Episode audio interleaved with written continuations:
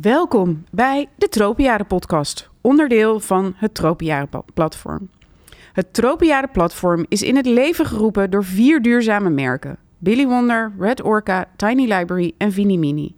Graag willen wij nieuwe ouders wegwijs maken in de wereld vol met nieuwe informatie, schema's, adviezen, influencers en spullen. Er komen zoveel keuzes op je pad als nieuwe ouders. Welke zijn dat en hoe maak je deze keuzes nou zo bewust en zo duurzaam mogelijk? Mijn naam is Steve Fleur, ik ben de founder van Billy Wonder en vandaag zit ik hier op de 9 maandenbeurs met Aukje. Aukje, welkom. Dankjewel. En uh, ik ga je gelijk de vraag stellen die we aan iedereen van, aan het begin van de podcast stellen. Namelijk, je zit hier. Waarom? Waarom heb je ja gezegd? Ja, om, eigenlijk door uh, de enthousiasme van Daphne het Hof. En uh, ja, ik heb haar een aantal jaar geleden ontmoet en die klik was meteen fantastisch. Zij uh, deed heel veel voor Return to Sender.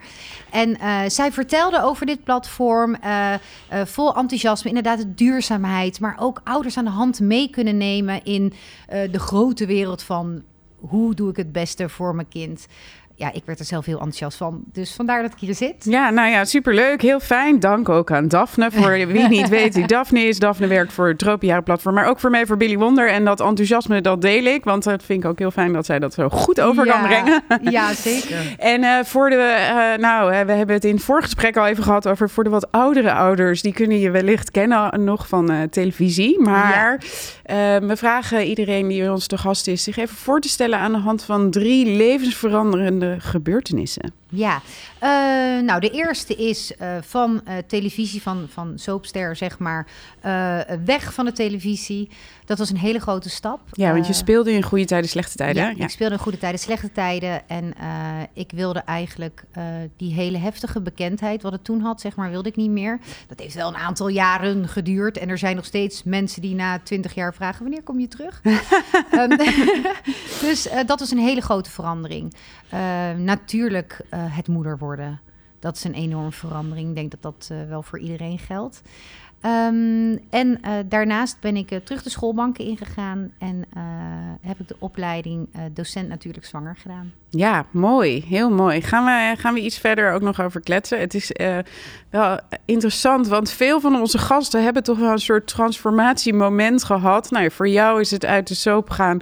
voor veel is het ook bijvoorbeeld uit de corporate baan gaan om, om toch iets beters voor de wereld te gaan doen. Ja. Um, wat heeft voor jou gemaakt dat je die stap terug de schoolbanken in ging maken? Ja, eigenlijk kwam dat gewoon na mijn eerste zwangerschap uh, um, ja, en de geboorte van mijn zoon Fedde. Um, er was gewoon in die tijd ook niet zo heel veel te vinden op internet. En ja, want verder is 16, hè, zei je? 16, ja. ja, dus dat is best lang geleden al. Ja, dat is echt lang geleden. En toen was er gewoon niet zoveel te vinden, maar ook vooral niet geen eerlijke informatie of zo. Um, en daar was ik heel erg naar op zoek. En uh, ik vond ook dat dat doorgegeven moest kunnen worden naar andere vrouwen. Weet je, wat staat je te, wat staat je te wachten? Gewoon ja. heel eerlijk. Weet je, niemand heeft het over uh, um, uh, aanbijen of over de, de, de, bloedverlies na je bevalling. weet je, dat soort dingen. Dat, dat, dat wordt niet besproken. Het is gewoon heel praktisch en zo. Dus um, ja, dat eigenlijk. Dat miste je een beetje, ja, dus ben je dat op gaan pakken. Ja, mooi, mooi. Het zal een, heel gek zijn om weer terug naar school te moeten. Ja, dat was heel raar. Echt anderhalf jaar. Dat was in Hoorn en ik uh, woon in Breda. Dus was anderhalf uur heen, anderhalf oh, wow. uur terug rijden. Ja, maar ik dacht wel, dit is wel de opleiding die bij mij past. Ja, hey, en, en, tegenwoordig, want we zijn dus inderdaad nu wel 16 jaar verder, mm -hmm. um, zijn er ook heel veel doula's. Kan jij ja. het verschil uitleggen tussen wat een doula doet en wat jij doet? Ja, ik wilde eigenlijk eerst ook een opleiding tot doula gaan doen, maar dat was toen uh, nog ja. echt wel ja, een, een beetje geitenwolle sokken of zo, weet je wel. Mensen die vonden daar allemaal wel wat van. Terwijl um, ik vind doula's echt fantastisch, maar een doula die dat is echt een bevallingscoach. Dus, maar ook tijdens de zwangerschap. Die coacht uh, uh, uh, de zwangere vrouw, maar ook haar partner. Ja. Dus zij helpt echt door het hele proces heen. En zij is bij de bevalling. Um, wat gewoon ontzettende ja, positieve invloed heeft gewoon op de hele periode, maar ook de bevalling zelf, voor die rust. Um, ja, ik ben daar erg fan van. Maar een zwangerschapsdocent, dus wat ik ben, ja. minder positief. Nee hoor, wat, wat ik doe is echt de, de periode daarvoor. je moet je voorstellen dat uh, er heel veel vrouwen uh, die weten natuurlijk dat er een zwangerschapsyoga uh, is. Um, en er zijn, maar er zijn ook heel veel vrouwen die zeggen: ja, maar ik, ja, ik hou niet zo van het zweverige. Of die hebben het gevoel dat dat zweverig is. En ik hou niet zo van yoga. Of ik heb daar geen tijd voor, voor yoga. Um, en vaak de soort van nuchtere vrouwen, wilde ik zeggen, of die zelf vinden dat ze nuchter zijn, een beetje oppassen wat ik zeg, die komen eigenlijk bij mij. Ja. En uiteindelijk, doordat ik bezig ben met ademhalingstechnieken, door uh, bezig te zijn met eerlijke informatie, maar ook weet je, terug te gaan naar jezelf, je gevoel, dat volgen, um, um, uh, los durven laten, is het eigenlijk ook yoga. Ja. Maar dan net in een ander jasje. Ja, gewoon passend bij de persoon zelf. Ja, ja. ja. En uh, je bereidt uh, moeders, ook vaders of alleen de moeders in dit geval? Uh, ja, of partners. Niet of altijd partners, va ja. vaders zijn het. Ja, uiteraard. Um, die, die, bereid ik ook voor. Ja. Ik doe één, één avond eigenlijk met de partner of ja. degene die aanwezig is bij de bevalling. Dat kan ook een moeder zijn of een vriendin. Um, en die is daarbij. En voor mij is het vooral praktisch. Dus we gaan niet samen op een matje buikje aaien. Um, maar uh, uh, het is echt, weet je, wat kan ik doen en hoe kan ik diegene ondersteunen? Door bijvoorbeeld drukpunten, ja. Um, uh, het warmte, het ondersteunen, het veranderen van houding. Weet je, soms zit je midden in je bevalling in die weeën en dan denk je, ik weet het niet meer. Ik, ik weet niet meer welke houding ik nee. aan moet nemen. En dan heb je iemand nodig die je vasthoudt en zegt, kom, we gaan even onder de douche staan of in bad zitten. Of ik weet je, ik masseer over je voet of whatever. Ja. Weet je, dat, dat zijn vooral ook, ja, ook wel praktisch, maar ook wel, wat kan ik doen? In plaats ja. van ernaast staan en wachten. Ja, het is heel ik zeg altijd, fijn. Tenzij ze niet aangeraakt wil worden. Ja, dat kan nee, het, maar je moet het ook wel aankunnen. Ik denk dat het ook heel belangrijk is om, uh, dat zul je ongetwijfeld doen, met de moeders die aan het bevallen zijn, te bespreken wat, wat is de, dat zij het middelpunt zijn op dat moment. Ja, dat is, dat is echt heel lastig, want vrouwen die blijven altijd nog een beetje in de verzorgende rol. Ja. Als uh, vrouwen weeën krijgen of hun vliezen breken, het eerste waar ze aan denken is ik ga nog even snel een wasje erin gooien. Ja. Want uh, straks komt de kraamverzorgster en die vindt dan mijn vuile onderbroeken. Of ja, dan is mijn bed in ieder geval schoon. Het is echt bizar. In plaats van lekker in je kokonnetje te gaan zitten en te ontspannen. Of weet je, nee. Ja. Wij zijn zo. Ja, want uh, ook een, uh, heel simpel, hè? Een verloskundige die komt bij jou thuis en uh, nou, die, je hebt aangegeven dat je al een aantal uren weeën hebt. En zij wil bijvoorbeeld kijken hoeveel centimeter ontsluiting je hebt. De meeste vrouwen gaan meteen liggen. Oh, ze wil kijken. In plaats dat je wacht totdat er een wee voorbij is. En tussen die twee weeën door ga je even ja. liggen. Maar denk je, oh, zij wil dit van mij, dit ga ik maar doen. Het bijvoorbeeld, uh, um, er zijn ook vrouwen die zeggen: Oh, nou, ik ging op een bed liggen. En uh, ja, ik dacht, de verloskundige die regelt het daaronder wel. Ik moet zorgen dat ik rustig blijf in mijn hoofd. Terwijl, weet je, het is het is jouw lijf, het is jouw bevalling. Een verloskundige of, of een doula, het maakt niet uit, die is er om jou te ondersteunen. Ja. Weet je, jij bent het middelpunt. Het is, het is, jij gaat een baby op de wereld zetten. Ja. Het is, ja, gek hè, dat we toch nog steeds het voor iets voor een ander doen of zo. Ja, dat is toch, ik denk een beetje instinct of zo. Ja. Ja, bij mijn eerste bevalling lag mijn man te slapen op een gegeven moment, want hij had heel hard gewerkt de avond ervoor. Ja. zei ik tegen, want ik ben die eerste is in het ziekenhuis bevallen, zei ik tegen de arts, de gynaecoloog die binnenkwam, ja, laat hem maar even slapen, want het een hele zware nacht gehad. Terwijl mijn bevalling al twintig uur bezig was. Maar goed, ja, dus ik snap wel een beetje waar dit vandaan komt. Ja. hij was wel lekker uitgeslapen daarna. Dat is ook heel fijn als er een ja. newborn baby in huis komt. hey, maar je ziet dus uh, waarschijnlijk ook hele transformaties van vrouwen voor je neus gebeuren. Um, nou ja, weet je wat het is? Um, sommige vrouwen, de transformatie die zit bij mensen zelf, maar ook vrouwen verrassen mij ook hoor. Want ik krijg uh, heel veel verschillende soorten vrouwen binnen, wat ik ook echt heel tof vind, omdat die weer toch een connectie met elkaar vinden, terwijl ze misschien normaal gesproken geen vriendinnen van elkaar zouden worden. Um, er zijn ook vrouwen die bij mij binnenkomen en zeggen. Ja, ik wil graag wel een cursus doen, ik wil alle informatie, maar ik wil uh, bevallen met een rugprik. Ik ben de laatste die zou zeggen, moet je niet doen. Ja. Ik vind, als dat jouw keuze is, als jij daar rustig van wordt, moet je dat doen. Weet je, het, het kan geregeld worden. Ik, ik weet zeker namelijk dat elke vrouw zonder pijnbestrijding kan bevallen. Dat je het aan kunt. Alleen ik kan voor jou de grens niet bepalen. Als jij inderdaad al twintig uur ergens ligt en, en je hebt al weken daarvoor niet geslapen, je zit er helemaal doorheen, dan weet je, ben ik de eerste die roept, ga er lekker voor. Ja. Echt.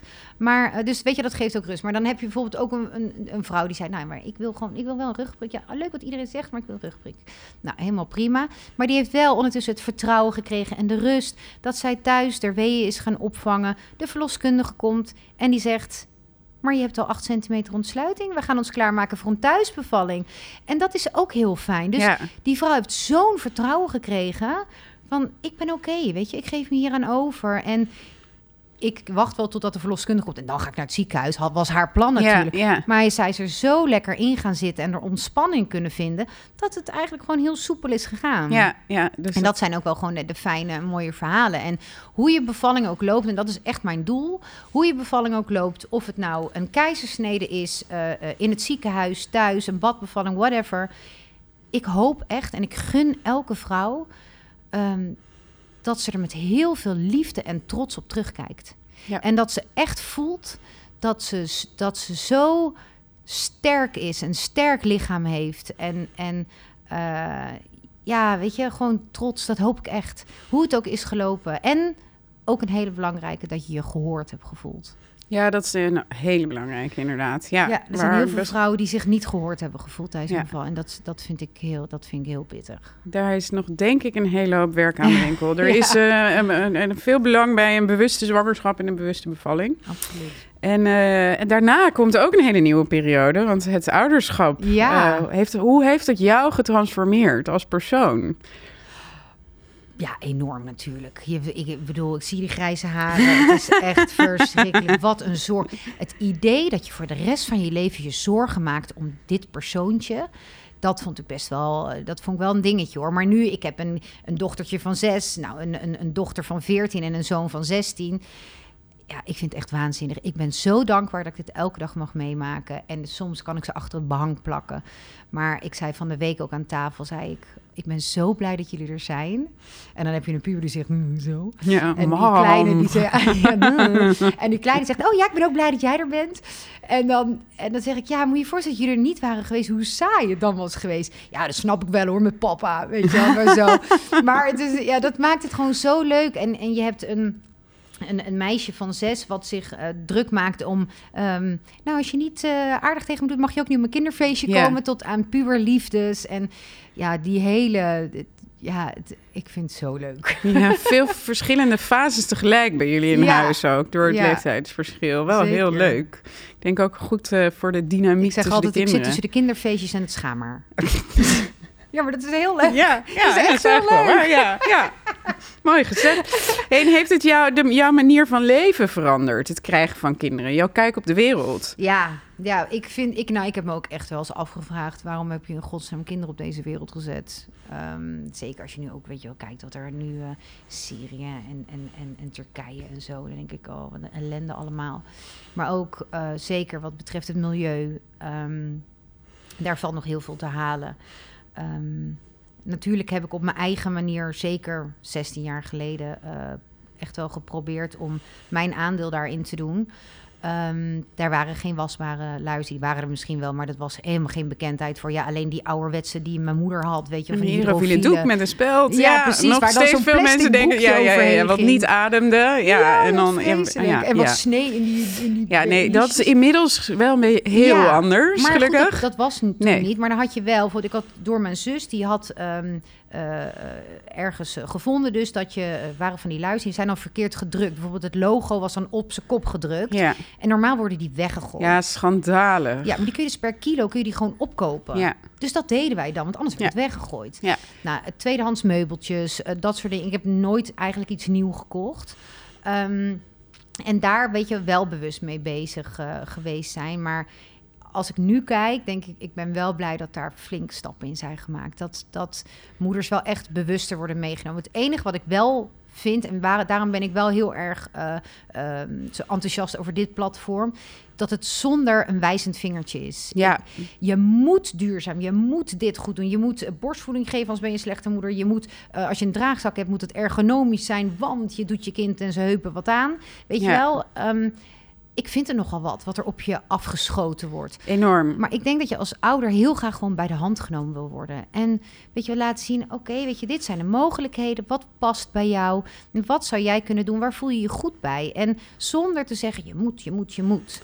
En nu hier komt alles zo samen. Ja, ik vind het echt heel mooi.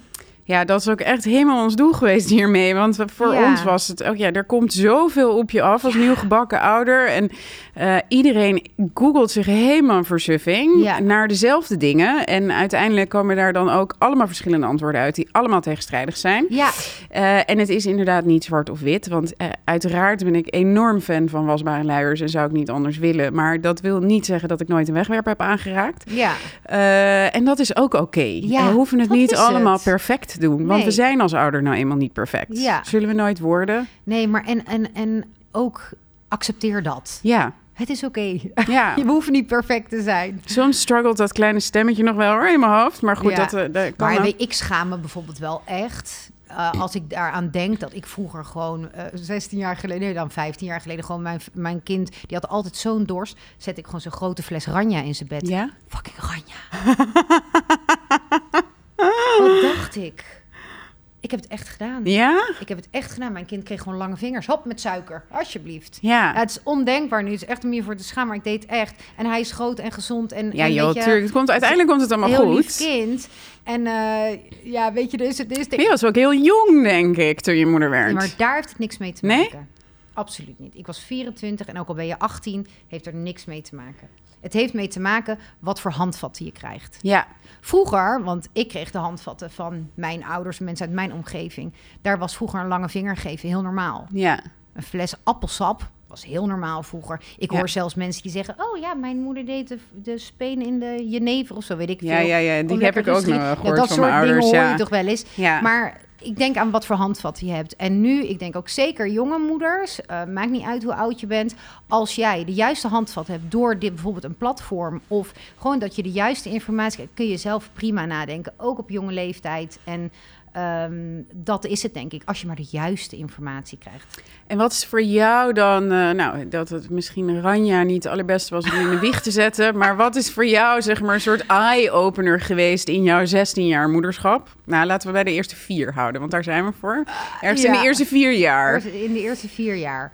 Um, maar wat betreft duurzaamheid? Nou, gewoon mijn ouderschap waarvan je denkt... oh, dat, dat je daarin zat en dat je dacht... oh, dit kan, zo kan het natuurlijk ook. Of, of nou dit had ik eerder willen weten. Ik denk, oh, nou, heb je even. ik denk een hele hoop. Ik denk, ik dacht echt, die baby wordt geboren. En ik, en ja, ik word een hele makkelijke moeder. Dacht, ik ga het lekker logeren over. Gewoon die, nou, en Freddy werd geboren en ik werd een soort leeuwin. Niemand mocht het vasthouden. ik was helemaal, dit was mijn baby. Ja. En um, toen op een gegeven moment, toen dacht ik, oh, weet je, het is oké. Als bij opa en oma is, is het ook oké. Gebeurt niks. Weet je, dat, dat kunnen loslaten vond ik echt, maar dat was echt pas na anderhalf jaar hoor. Dat ik oh, mijn wow. logeren. Ja. Stukje ja. self-care is daar heel. Dat ja. had je dan ook de eerste anderhalf jaar waarschijnlijk nee, helemaal ja, niet. Ik heb echt mega gehecht met mijn kind. Laten we het daarop houden. We hm. zijn nog steeds heel close, verder ik. Met mijn andere kinderen ook. Maar die, dat, daar was ik makkelijker mee dan, dan met mijn eerste. Um, en wat ik dus ook heel pittig vond, is elke keer dat loslaatmoment. Vanaf dat je baby geboren wordt, het eerste loslaten wordt inderdaad het aan een ander afgeven, het misschien wel gaan logeren. Uh, een kinderdagverblijf, nou dat kon ik helemaal niet. Nou, je peuterspeelzaal, oh ja, nou je hebt naar de peuterspeelzaal. Nou, dat loslaat, ik vond het heel heftig. Maar ook uh, naar de basisschool, uh, dat soort dingen. Ik vond die eerste vier jaar loslaatmomenten ja, ik ging bijna dood. Ja? ja. ja, echt heel truttig, maar ik had het echt. Oh, dat is zo persoonlijk. Ja, ik had het echt heel erg. Ik zat echt... Ik, en ook, weet je, net als bijvoorbeeld met draagzakken of zo, wat ik net ja. Ja, ik had, mijn kind zat gewoon aan mij vastgeplakt. Ja, nou, dat, maar dat vond ik ook heerlijk. Handen oh. vrij, alles kunnen doen. Ja. Maar ook, ik wilde hem gewoon horen en ademen. En ik moet zeggen, verder, die heeft ook toen hij uh, één was... En toen was ik net zwanger van mijn tweede. Die kreeg het RS-virus en die lag toen in het Oeh. ziekenhuis. Ja, ik kon hem echt niet meer los. En het ging heel slecht toen. Um, dat heeft echt twee weken heeft hij daar gelegen. Toen heerste er ook nog een buikvirus op die afdeling. Het was een drama. En, um, en ik zelf zwak, ziek en misselijk, net zwanger, ja. half overgegeven. Oh, wow. Maar dat, was, dat vond ik echt verschrikkelijke uh, tijd en momenten, zeg maar. Uh, en toen dacht ik ook, het is maar goed dat ik hem heb vastgehouden. Dat hij bij me heeft, dat hij bij me is, weet je wel. En uh, ja, gewoon dat soort momenten voel je gewoon hoe belangrijk de ja, contact is of zo. Of het gevoel, ja, ik weet het niet. Als je, als je ouder wordt, dan komt er een soort hormoonvrij. Ik heb geen idee. De ene kan daar makkelijker mee omgaan dan de ander. Ik vond het heel lastig. en wat, uh, want er zijn eh, voor heel veel ouders komen er super pittige momenten op hun af in die zeker eerste vier jaar waarvan je denkt, oh, ik wist niet dat dit er ook bij hoorde. Ja. Uh, nou, voor, ik kan me voorstellen dat RS twee weken ziekenhuis met zwangerschap erbij echt heel pittig is geweest. Ja. Wat, hoe ben je er doorheen gekomen? En wat kan je ouders meegeven die door taaie tijden gaan met hun kleintjes meegeven? Ik zeg altijd: volg je intuïtie. Jij weet het. Jij bent de moeder of de vader. Maar jij, jij weet het gewoon. Weet je, je kan beter, dan, ga je maar, dan ben je maar die zeikmoeder die weer bij de huisarts zit. Ja. Prima. En ook, weet je wel, er zijn altijd mensen in je omgeving. Ik zeg ook altijd, je wordt niet alleen moeder, maar je maakt ook mensen opa en oma, ja, ooms en tantes. En je krijgt de hele packages krijg je erbij. En mensen hebben allemaal goed bedoelde adviezen. En dat is heel fijn. En sommigen denk je, oh, daar doe ik dat. Nee, de andere denk je, nou, die parkeer ik eventjes. Ja. Ook helemaal goed. Maar jouw gevoel klopt altijd. En volg dat gevoel. En al zit je er vijf keer naast, de zesde keer niet. En je, je voelt het, ja, ik weet niet, je voelt het gewoon. En dat moet je altijd, jouw intuïtie is alles. Mooi, hele mooie afsluiting, denk ik. Dankjewel ja. voor nou, dit superleuke open gesprek. um, en dank voor uh, iedereen die uh, aan het luisteren is. Hou onze Instagram en Spotify in de gaten, want er volgen nog veel meer leuke en inspirerende podcast. Tot de volgende.